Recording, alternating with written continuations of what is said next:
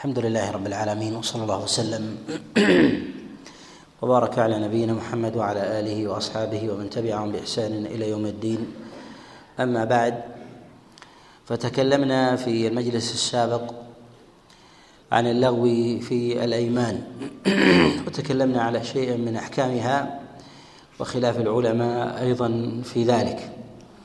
وقبل ذلك تكلمنا على التساهل بجعل الله عز وجل عرضة للأيمان بحيث يكون حائلا عن الإنسان أن يبادر بعمل الخير فيكسب صالحا أو يمسك عن عمل عن عمل سوء. واليوم نتكلم بإذن الله عز وجل على قوله سبحانه وتعالى للذين يؤلون من نسائهم تربص أربعة أشهر فإن فاءوا فإن الله غفور رحيم. في هذه الآية جملة من المسائل والأحكام نتكلم عليها بإذن الله عز وجل وعلى ما يليها. بإذن الله بالنسبة للإيلاء الإيلاء في لغة العرب هو الحلف وهو اليمين. يؤلون أي يحلفون. والله سبحانه وتعالى إنما أنزل هذه الآية خاصة بالذين يؤلون من نسائهم أي ليست ليست لغيرهم. أي هذه الأحكام التي أنزلها الله عز وجل على رسوله صلى الله عليه وسلم لبيان حكم الذين يحلفون الا يقربوا أزواجهم بشيء من الوطء وهذا فيه دفع لظلم أهل الجاهلية لنسائهم لنسائهم وذلك أنهم كانوا في الجاهلية إذا أراد الرجل أن يظلم المرأة آلى منها فحلف الا يقربها سنة أو سنتين. ثم ينصرف إلى زوجة أخرى ويتمسك بيمينه أي أنه يمنعني من قربها تلك اليمين. فيجعل تلك اليمين حائلا بينه وبين بينه وبينها وبينه وبين أهلها إذا طلبوا منه أن يفيء إليها. فيجعلون ذلك فيجعلون ذلك سببا لظلم لظلم النساء.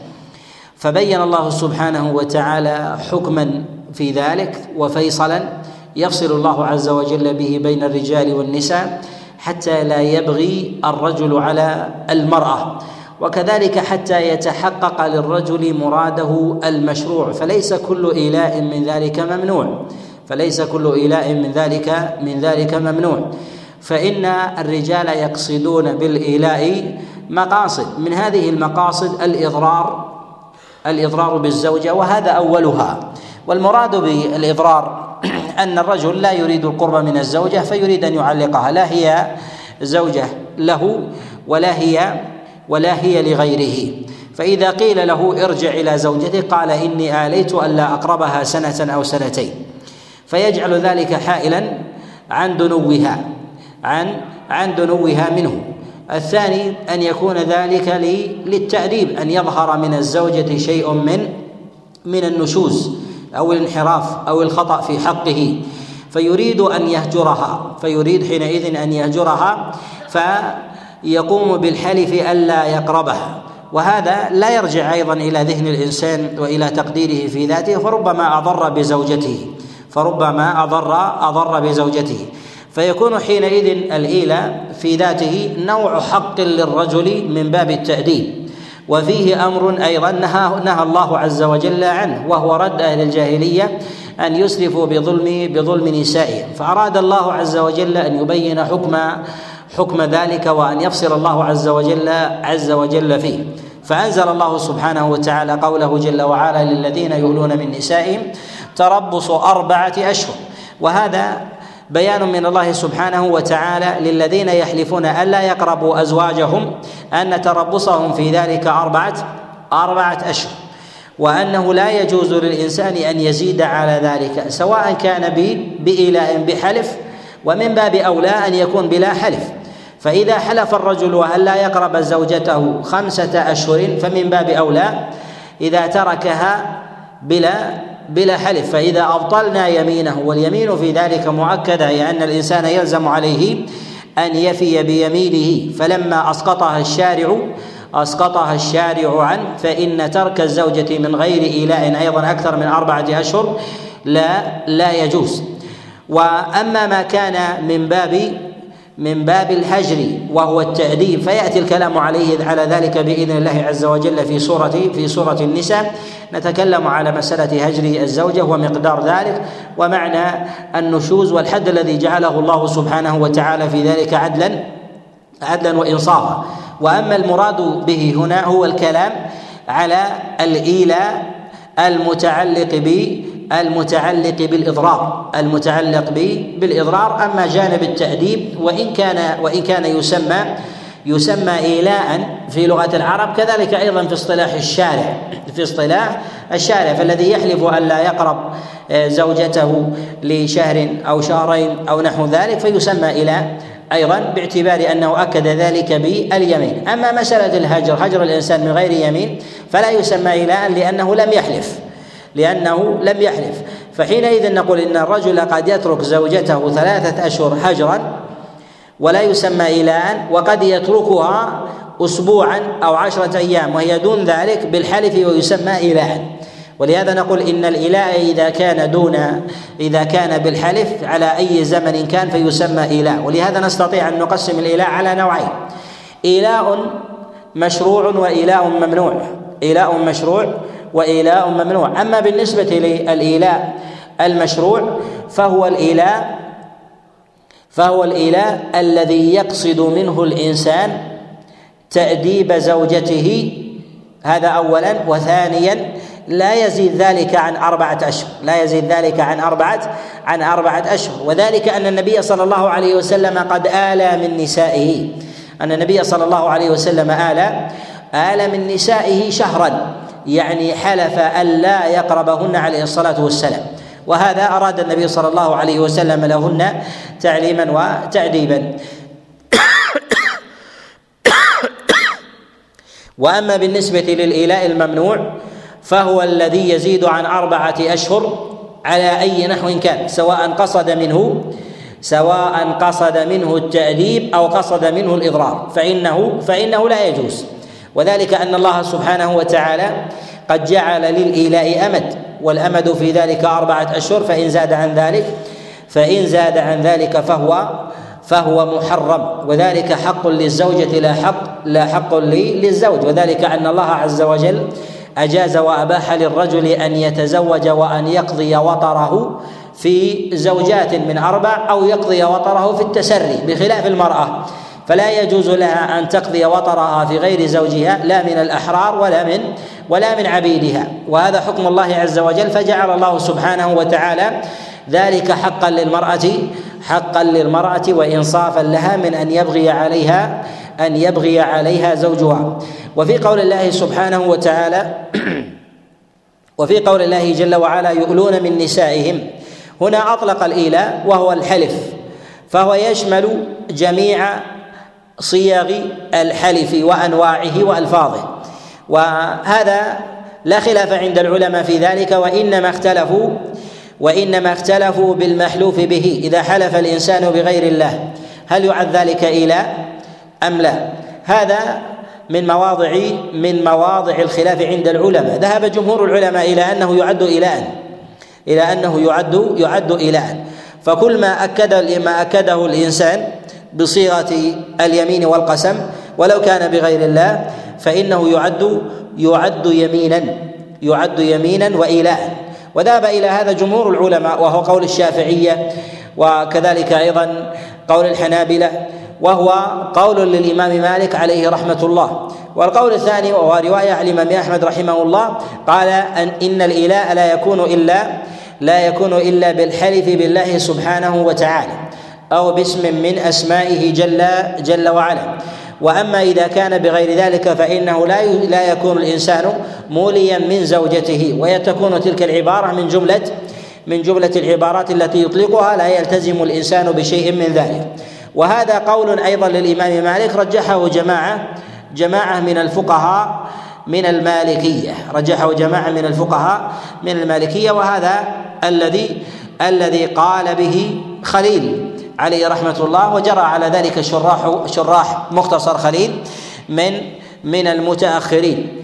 والأظهر والله أعلم أن اليمين في ذلك تنعقد أن اليمين في ذلك تنعقد وأن جوازها هو أمر آخر وأن جوازها أمر أمر آخر وأما انعقادها ووجوب العمل بها وكذلك الكفارة فهذا الذي عليه جماهير جماهير العلماء. وفي قول الله سبحانه وتعالى للذين يؤلون من نسائهم. الله سبحانه وتعالى ذكر النساء هنا والنساء باعتبار أن الطلاق وكذلك أيضا العدة تتعلق بهن تتعلق بهن وباعتبار أن الضرر أيضا يلحق يلحق النساء في مسألة في مسألة الايلاء اتفق العلماء عليهم رحمة الله على أن المراد بالنساء هن هنا الأزواج. الأزواج وليس المراد بذلك الإماء وليس المراد بذلك بذلك الإماء.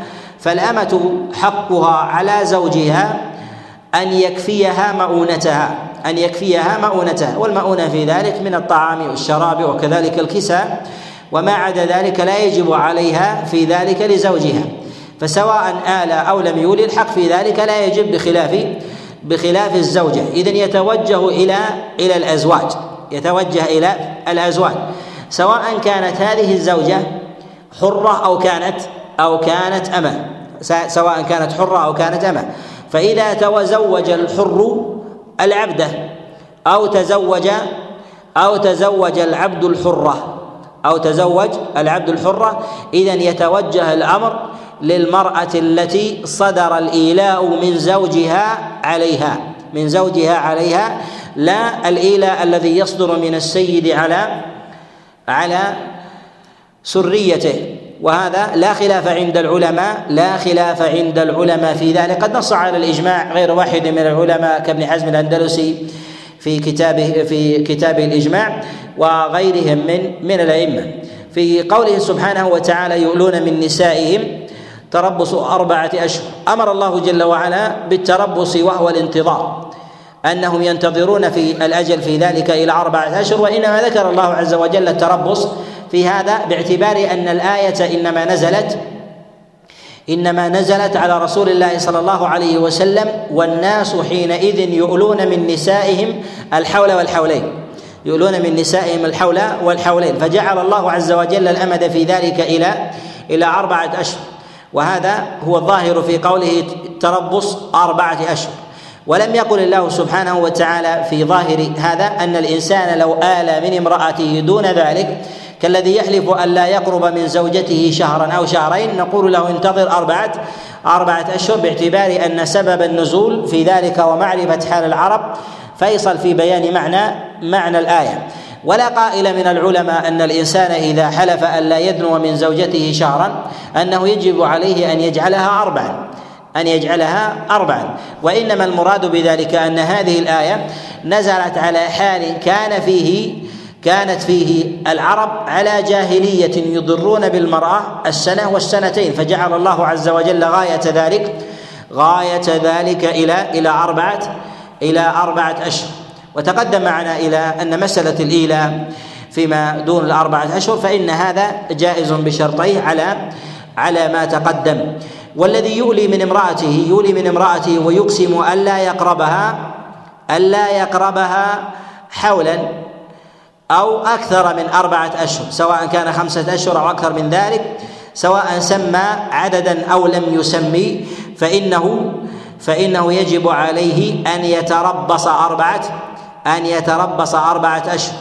ولكن نقول إن التربص بأربعة أشهر أن هذا مشروط بعدم بعدم الإضرار يعني أن الإنسان في جواز الإيلة من المرأة أن هذا مشروط بعدم بعدم الإضرار وأما إذا نوى الإنسان إضرارا بالمرأة ولو كان دون أربعة أشهر فهذا ليس بجائز.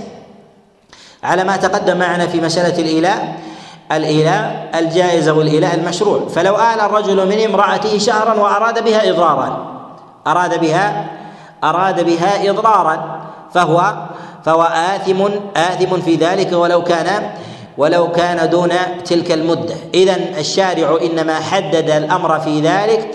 إذا كان الإنسان لا يقصد لا يقصد في ذلك لا يقصد في ذلك الإضرار. وإذا قصد الإضرار وإذا قصد الإضرار فإنه يتربص أربعة أشهر مع إثمه على قصده ولكن هذا لا يبطل الإيلاء لا يبطل الإيلة باعتبار أن أصل الإيلة في هذه الآية إنما جاء لمن قصد الإضرار لمن قصد لمن قصد الإضرار ولهذا اختلف العلماء عليهم رحمة الله في وصف أو تحقق الإيلاء في من حلف ألا يقرب زوجته ولا يقصد في ذلك ولا يقصد في ذلك إضرارا. ولا يقصد في ذلك إضرارا. ذهب جمهور العلماء إلى أن الإله لا يكون إلها من جهة الأصل يلزم على الإنسان الوفاء به إلا وقد قصد إلا وقد قصد الإضرار. ويشترطون في ذلك الغضب والإضرار. قالوا وذلك أن الإنسان إذا حلف ألا يقرب زوجته ألا يقرب زوجته ولا يقصد من ذلك الإضرار ولا الغضب فهو فهو يولي على زوجته لمصلحتها لحظها. إذا كان لا يريد بذلك الإضرار ولم يكن ناشئه غضب فإنه يريد من ذلك مصلحة الزوجة. وذلك لصور منها أن تكون المرأة مريضة وأراد عدم قربها ومن ذلك أن تكون المرأة مثلا مرضعا فأراد ألا يقربها في حال رضاعها. في حال في حال رضاعها.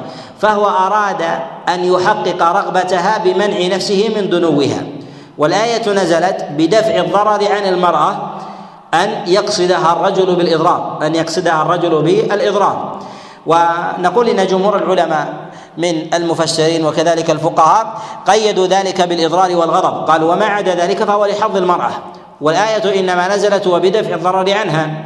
وإذا كانت في ذلك وإذا كانت المرأة في ذلك غير ممانعة في هذا فلو كان ذلك من غير إيلاء أو كان بإيلاء إذا كانت مسقطة لحقها لا يلزمه من ذلك أن يفي إليها لأنها لا ترغب وهو وهو لا يريد باعتبار أنه أقسم على نفسه فلا يلزم فلا يلزم بذلك أو لا يلزم على ذلك على ذلك بشيء.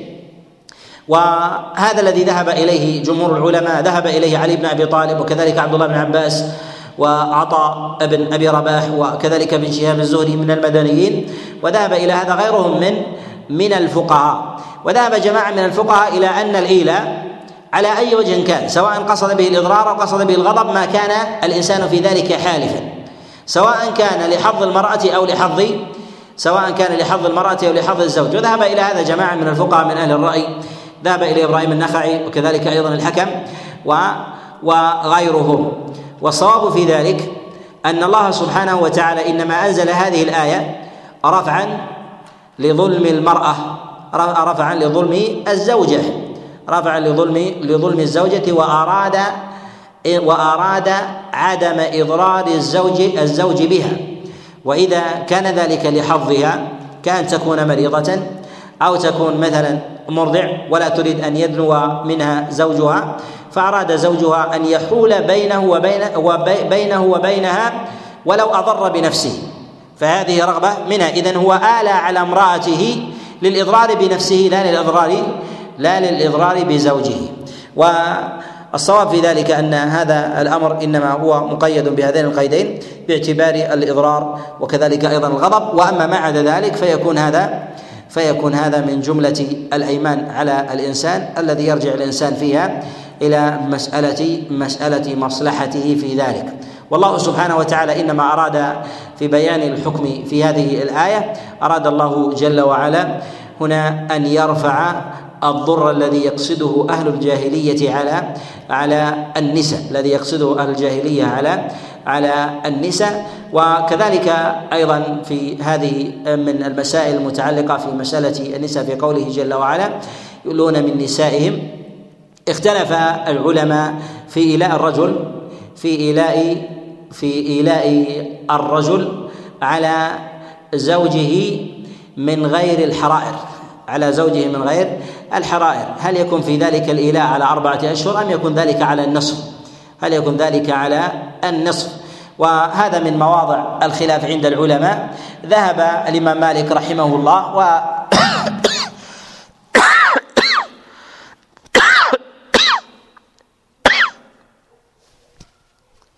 ذهب الإمام مالك رحمه الله إلى أن ذلك يلحق بمسألة الحدود والطلاق وهي على النصف من أمر من أمر الحر على النصف من أمر الحر. وقال بقوله بعض الفقهاء كابن شهاب الزهري من السلف وذهب أبو حنيفة عليه رحمة الله إلى أن الأمر يتعلق بالمرأة لا لا بالزوج. يعني ينظر إلى حريه إلى حرية المرأة وعدم حريتها. قال وذلك أن هذا يتعلق بالعدد. والعدد يتعلق بالنساء.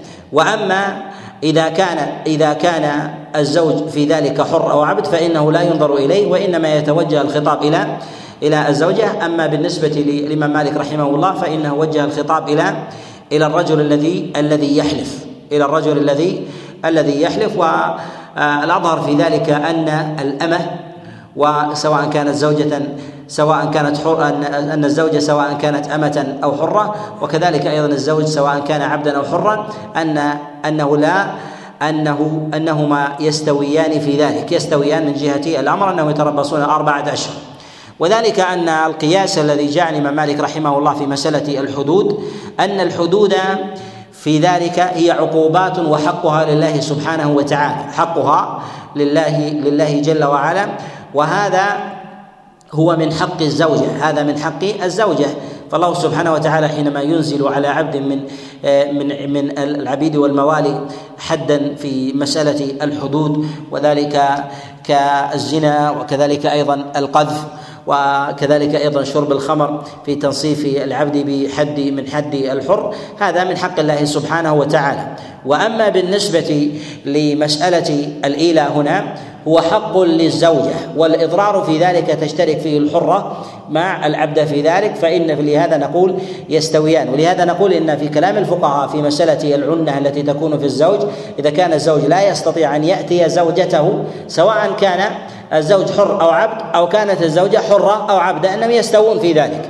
يستوون في ذلك في مسألة في مسألة الإنظار ولهذا نقيسها على هذه المسألة في مسألة الاشتراك في مسألة الضرر وكذلك أيضا في العدة فهي أقرب إليها من هذا من هذا الوجه.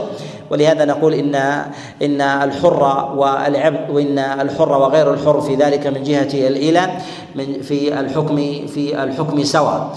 في قوله سبحانه وتعالى للذين يؤلون من نسائهم تربص أربعة أشهر فإن فاءوا فإن الله غفور رحيم. ذكر الله سبحانه وتعالى بعد أمر التربص ذكر الله جل وعلا الفيء وهو فيء الزوج يعني عودته والمراد بالفيء هنا في قوله فإن فاءوا أي عاد الرجل بعد بعد إيلائه من زوجته بعد إيلائه من زوجته يعني فإن عاد إلى جماع امرأته فإن الله عز وجل غفور رحيم. ومغفرة الله سبحانه وتعالى في ذلك على عبده.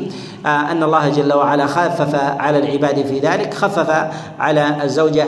الا يجعل الأمر في لامر الزوجة لأمر الزوج فيولي منها ما شاء من الأزمنة. فالله سبحانه وتعالى خفف في ذلك ورحمها من أن يبغى وأن يظلم وأن تظلم.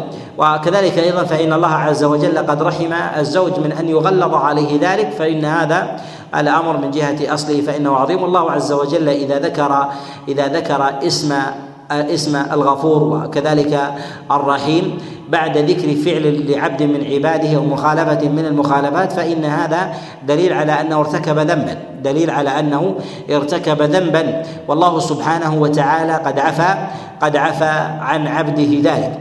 واختلف العلماء في في لحوق الكفارة على من آل أكثر من أربعة أشهر ثم فاء بعدها ثم فاء فاء بعدها. اختلف العلماء في هذه المسألة. منهم من قال بعدم الكفارة. قال وذلك أن الله عز وجل قال في بعدما ذكر الفيء قال فإن فاءوا يعني لم لم يكملوا المدة والتزموا بأمر الله جل وعلا والأربعة أشهر فعادوا إلى إلى أزواجهم فإن الله غفور رحيم أي غفر لهم ما بقي ولو ألزمناهم بالكفارة فألزمناهم بالكفارة فإنه يلزم من ذلك يلزم آه، من ذلك عدم.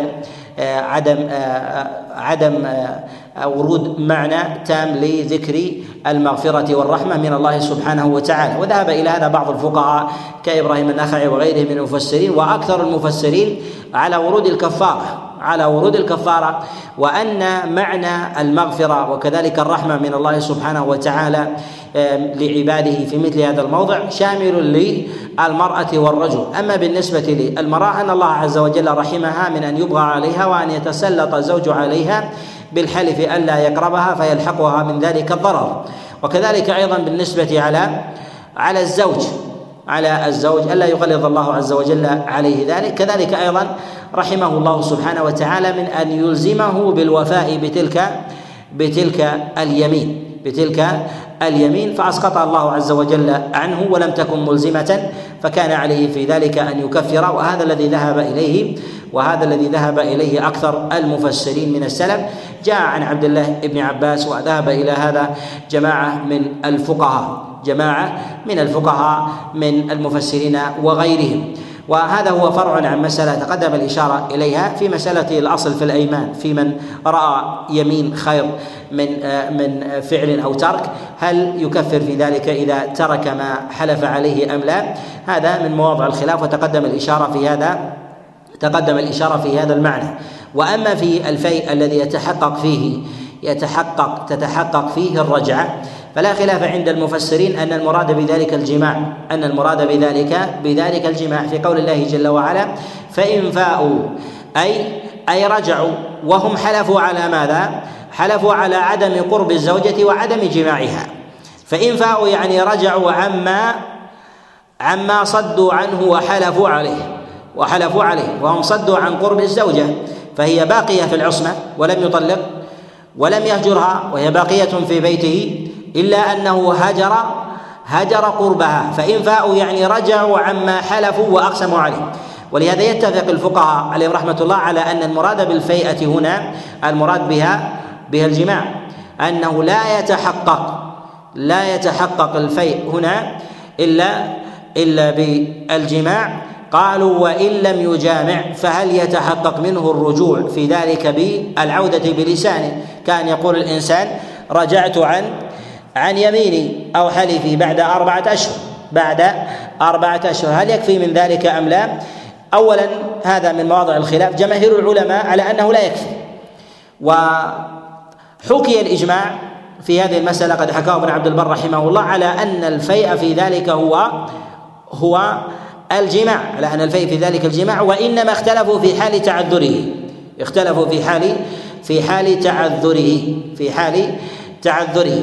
وهذا الذي عليه في مسألة الجماع أنه يتحقق بذلك هو ظاهر النصوص أن عليه عليه عامة المفسرين من السلف وكذلك عامة الفقهاء ولكن اختلفوا في مقدار العذر في ذلك في مقدار العذر في ذلك وبعض الصور. وعلة ذلك أن نقول أنه لا يكون الفيء إلا بالجماع أن الله سبحانه وتعالى أراد أن يمنع الزوج من ظلم من ظلم زوجته بتلك اليمين التي حلفها للذين يولون من نسائهم تربص أربعة أشهر. يعني يجب عليهم أن يتربصوا أربعة أشهر. يجب عليهم أن يتربصوا هذه المدة ويسقط ما عداها ويسقط ما عداها فإذا وأردنا وأراد الله عز وجل بذلك هو رفع الظلم عن عن زوجته. أراد الله عز وجل رفع الظلم عن زوجته. وإذا قلنا أن الله عز وجل بين هذا الحكم لهذه العلة فيلزم من ذلك أن الرجل إذا إذا إذا قضى هذه المدة وقضى الأجل وقال أرجعت زوجتي كلاما. ارتفع الضرر أو لم يرتفع؟ لم يرتفع. ولهذا ربما يبقى خمسة أشهر أو ستة أشهر. ولهذا لا بد من الفيئة لما أراد الله عز وجل رفعه رفعه على وجه الحقيقة. أراد الله عز وجل رفعه على وجه على وجه الحقيقة وهو وهو الإضرار بعدم الجماع وهو الإضرار بعدم الجماع. ولكن ثمة صور وثمة صور عند الفقهاء في هذا. كالرجل المحبوس الرجل المحبوس الذي يولي من زوجته. هل يكون من أهل الأعذار أم لا؟ هذا من أهل الأعذار وهذا ظواهر النصوص في ذلك وذلك أن الله عز وجل لا يكلف نفسا إلا وسعها. كذلك أيضا المريض. سواء كان المرض فيه أو في زوجته مما يمنعه من قربها. أو من الأعذار الشرعية كالذي كالذي يولي من امرأته. ويكون تمام الأربعة أشهر على زوجته وهي نفساء أو حائض.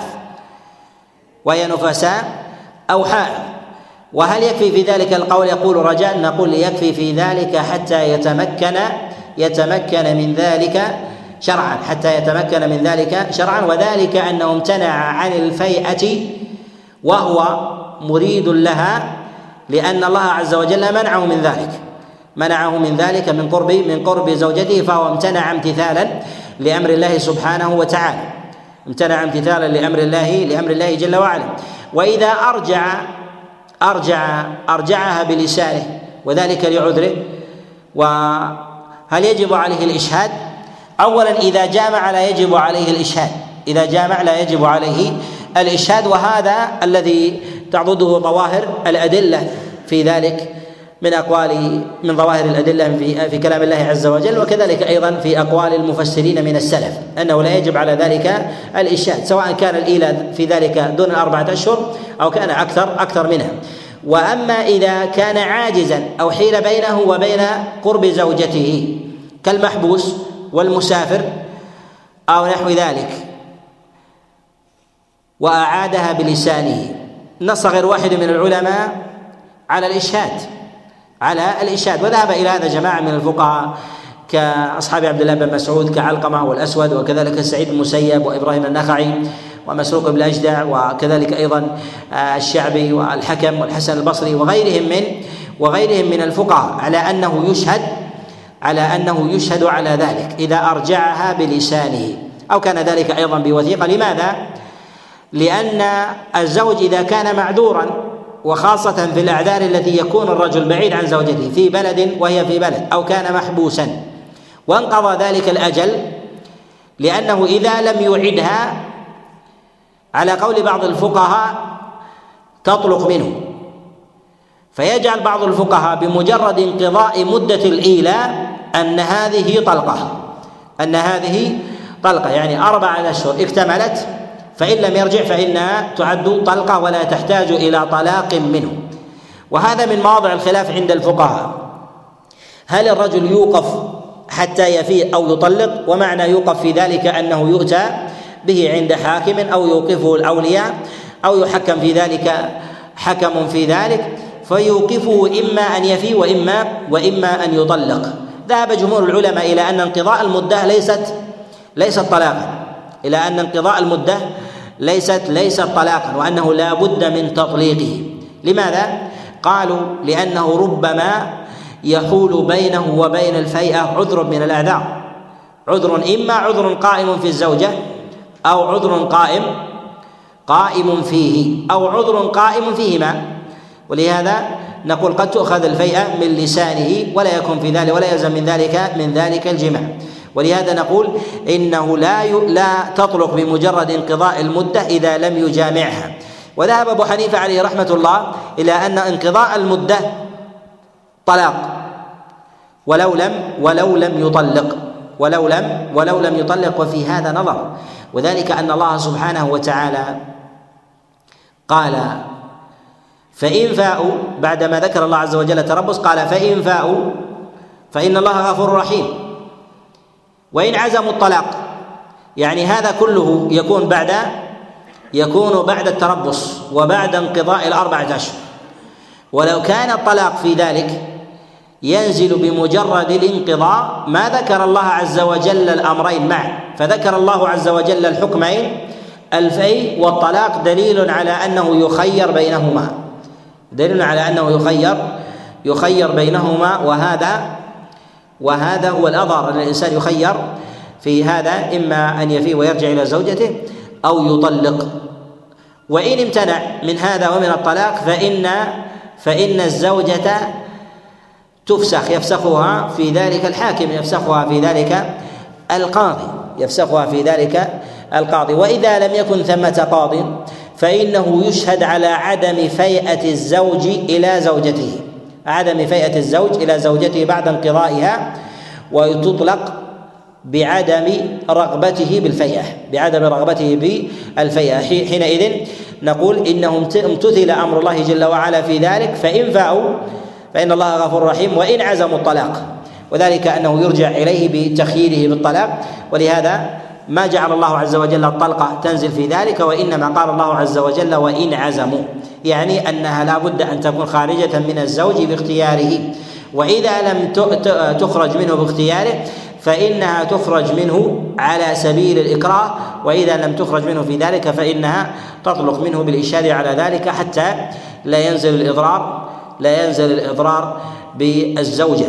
و وأما ما يتمسك به أهل الرأي بورود الطلاق في ذلك مجردا لمجرد انقضاء الأجل فهذا لا يعضده شيء من الأدلة وكثرة الخلاف في هذه الآية ومسائل ومسائل الإيلاء وذلك أنه لم يرد عن النبي صلى الله عليه وسلم في تأويل هذه الآية شيء. ولهذا يقول الشافعي رحمه الله في كتابه الرسالة يقول لم يحفظ عن رسول الله صلى الله عليه وسلم بأبي وأمي هو شيء يعني من ذلك من من تفسير هذه الآية وأحكامها. ولهذا وقع خلاف عند الفقهاء. وآيات الأحكام عن النبي صلى الله عليه وسلم في تفسيرها قلما يرد شيء من آي الأحكام إلا وفي ذلك بيان عن رسول الله صلى الله عليه وسلم. في أحكام سواء كانت تلك الاحاديث أحاديث صحيحة أو كان فيها شيء من الإعلان فهذا من مواضع فهذا من من المواضع الاشتهار أي أن النبي صلى الله عليه وسلم لا تخلو آيات الأحكام من تفسير عنه ويندر ومن المواضع النادرة هي هذه الآية أنه لا يحفظ في ذلك شيء عن النبي عليه الصلاة والسلام في هذا. وأما ما جاء في الصحيح النبي عليه الصلاة والسلام آل من نسائه فإن ذلك الإله وإله ليس هو المقصود في هذا. وهو الإله على ما تقدم المشروع وهو الذي يقصد به الزوج وتأديب الزوجة. وهذا هو خارج عن مسألتنا وهو ضرب من ضروب الهجر إلا أنه اقترن بشيء من اليمين ألا يقرب الرجل زوجته. وهذا يأتي الكلام عليه بإذن الله عز وجل في مسألة الهجر في سورة في سورة النساء. وإنما قلنا بالتخير بذلك لأن الله عز وجل قال فإن فاء والفاء هنا الفاء هنا محلها أنها تكون جواب للشرط وظاهر في ذلك أنها تكون بعد انقضاء انقضاء تلك المدة أي بعد تربصهم فإنه يكون حينئذ يكون حينئذ هذه الأحكام إما الفيء في ذلك والرجعة وإما أن يكون في ذلك وإما أن يكون في ذلك الطلاق. وهذا في من يو فيما في الزوج الذي يرغب طلاقا وأما الذي يقصد من ذلك عدم قرب الزوجة ابتداء وأراد بالإيلاء الاضرار فهذا محرم ولا خلاف في ذلك. ولهذا نقول إن العلماء عليهم رحمة الله حينما يجمعون على هذا المعنى لا يجوز الواحد منهم أن الزوج يريد بهذا الإيلاء الإضرار بالمرأة. وذلك كالرجل الذي يعزم على تطليق الزوجة ولكنه يجعل هذه الأربعة أشهر عتبة لتطريقها حتى تطول المدة فلا تنكح فلا تنكح زوجا غيره. وذلك أنه يريد الطلاق فيولي منها أربعة أشهر.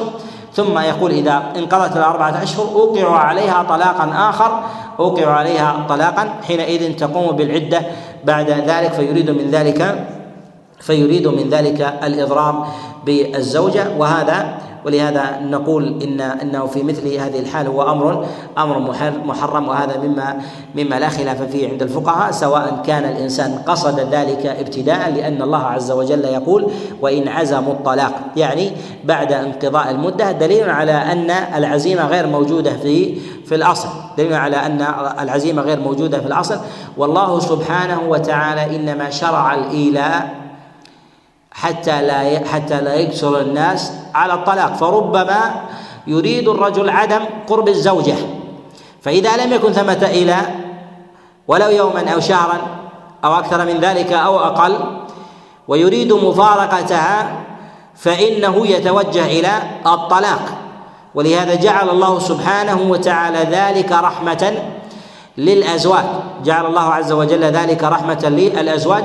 فيكون ذلك مرحلة لا انفصال تام ولا ولا اجتماع تام. وحينئذ نقول إن الله سبحانه وتعالى لحكمة ما جعل الرجل يجد حلا لبعد زوجته عنه إلا الطلاق فيتوجه إليه. فجعل الله عز وجل قدرا في ذلك يكون بين عمل الجاهلية وبين وبين الحلال المضاف في ذلك وهو الجسارة على الطلاق من غير ما سبب فجعل الله عز وجل من ذلك من ذلك قدرا.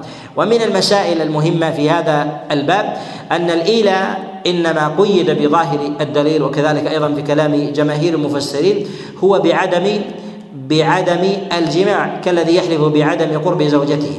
ولكن الذي يحلف بغير ذلك يحلف أن لا يكلم زوجته أو أن لا يأكل معها. هل يعد ذلك إيلاء أم لا؟ ويجب في ذلك الفيئة. جمهور العلماء قيدوا ذلك بالجماع وما في حكمه. قيدوا ذلك بالجماع وما في حكمه. وقالوا لأن هذا هو الذي يتحقق معه معه الضرر المقصود يتحقق به الضرر المقصود. ولكن ولكن قالوا لو حلف ألا يكلم زوجته أو ألا يأكل معها فهل هذا يعد إيلاء أم لا؟ يجب عليه أن يتربص أربعة أربعة أشهر. هناك من الفقهاء من توسع في هذا وقال كل حلف يكون من الزوج للإضرار بزوجته فهو من هذا فهو من هذا النوع الذي يدل على عدم قربه منها على عدم قربه منها كمن يحلف ألا يجتمع هو وإياها في دار. أو لا يأكلان على طعام أو لا يحدثها أو لا يجتمعان في فراش أو في لحاف أو غير ذلك من الألفاظ. فهو داخل في هذا فهو داخل في هذا الإيلاء. وظاهر النصوص أن المراد بذلك هو هو الجماع. المراد بذلك هو الجماع لإجماع في قوله فإن فاءوا. الإجماع بذلك فإن فإن فاءوا. وإن حلف على شيء آخر حلف على شيء آخر. كأن يحلف الإنسان على عدم النفقة على زوجته. والله لا أنفق عليك خمسة أشهر أو ستة أشهر أو أكثر من ذلك. فهل يجب عليه أن يتربص في ذلك أربعة أشهر أم لا؟ نقول هذه مسألة أخرى. هذه مسألة مسألة أخرى وحلفه في ذلك لا يتعلق به لا يتعلق به إيلاء باعتبار باعتبار تعلقه بمسألة الجماع وإضرارها في ذلك هو إضرار في مسألة الطعام والشراب أو الكساء أو السكن أو غير ذلك. ولهذا نقول هو ليس من مسائل الإيلاء ويدخل في ذلك في مسألة في مسألة النفقة على الزوجة ويجب عليه أن ينفق عليها. فإن اشتكت و فإن اشتكت فلها الحق فلها الحق بالنفقة وإن صبرت وقالت لا أريد نفقة لا أريد نفقة. لا يقال في ذلك أنه يلزم أربعة أشهر وإلا وإلا فيطلق. المرأة التي تقول لا أحتاج إلى نفقته فلدي من المال ما يكفيني. لدي من المال من المال ما ما يكفيني. وهذا هذه مسألة ليست في مسائل ليست داخلة في مسألة الإيلاء. ومن المسائل المتعلقة في ذلك الذي يترك زوجته من غير إيلاء. يترك قربها وجماعها من غير من غير إيلاء فهل يدخل في هذا الباب أم لا؟ فهل يدخل في هذا الباب أم لا؟ يعني حجرها ولم يحلف على ذلك فهل يوقف عند أربعة أشهر ويؤمر بالفيئة أم أو الرجوع العلة في الآية هو عدم الإضرار في الزوجة سواء كان ذلك بيمين أو بغير يمين وإنما ذكر الله عز وجل الإيلاء وهو الحلف والقسم لأنه هو الغالب الذي يلزم الإنسان به نفسه ويدفع المعرة عند غيره كما كان الجاهليون في ذلك حيث يدفعون اللوم من الناس في الإضرار بأزواجهم أنهم حلفوا وملزمون بالوفاء بذلك ولهذا نقول إن الإنسان إذا هجر زوجته ولو كان من غير إيلاء فإنه يؤمر بالفيئة عند عند الأربعة أشهر والنص. له علة والعلة في ذلك هو دفع الإضرار ويتحقق ذلك سواء كان بيمين أو بغيرها. وإنما ذكر الله عز وجل الإيلاء واليمين ذكر الله عز وجل الإيلاء لأن هذا هو الأصل لأن هذا هو الأصل الذي كان عليه الناس في الإضرار بالأزواج. فيمتنعون عن قربهن لسنة وسنتين ويجعلون ذلك حائلا بينهم. ولهذا نقول إن النصوص الشرعية إذا نزلت على حال فلا يقيد بذلك الحال وإنما العبرة هو بعموم المعنى الذي ارتبطت به تلك العلة.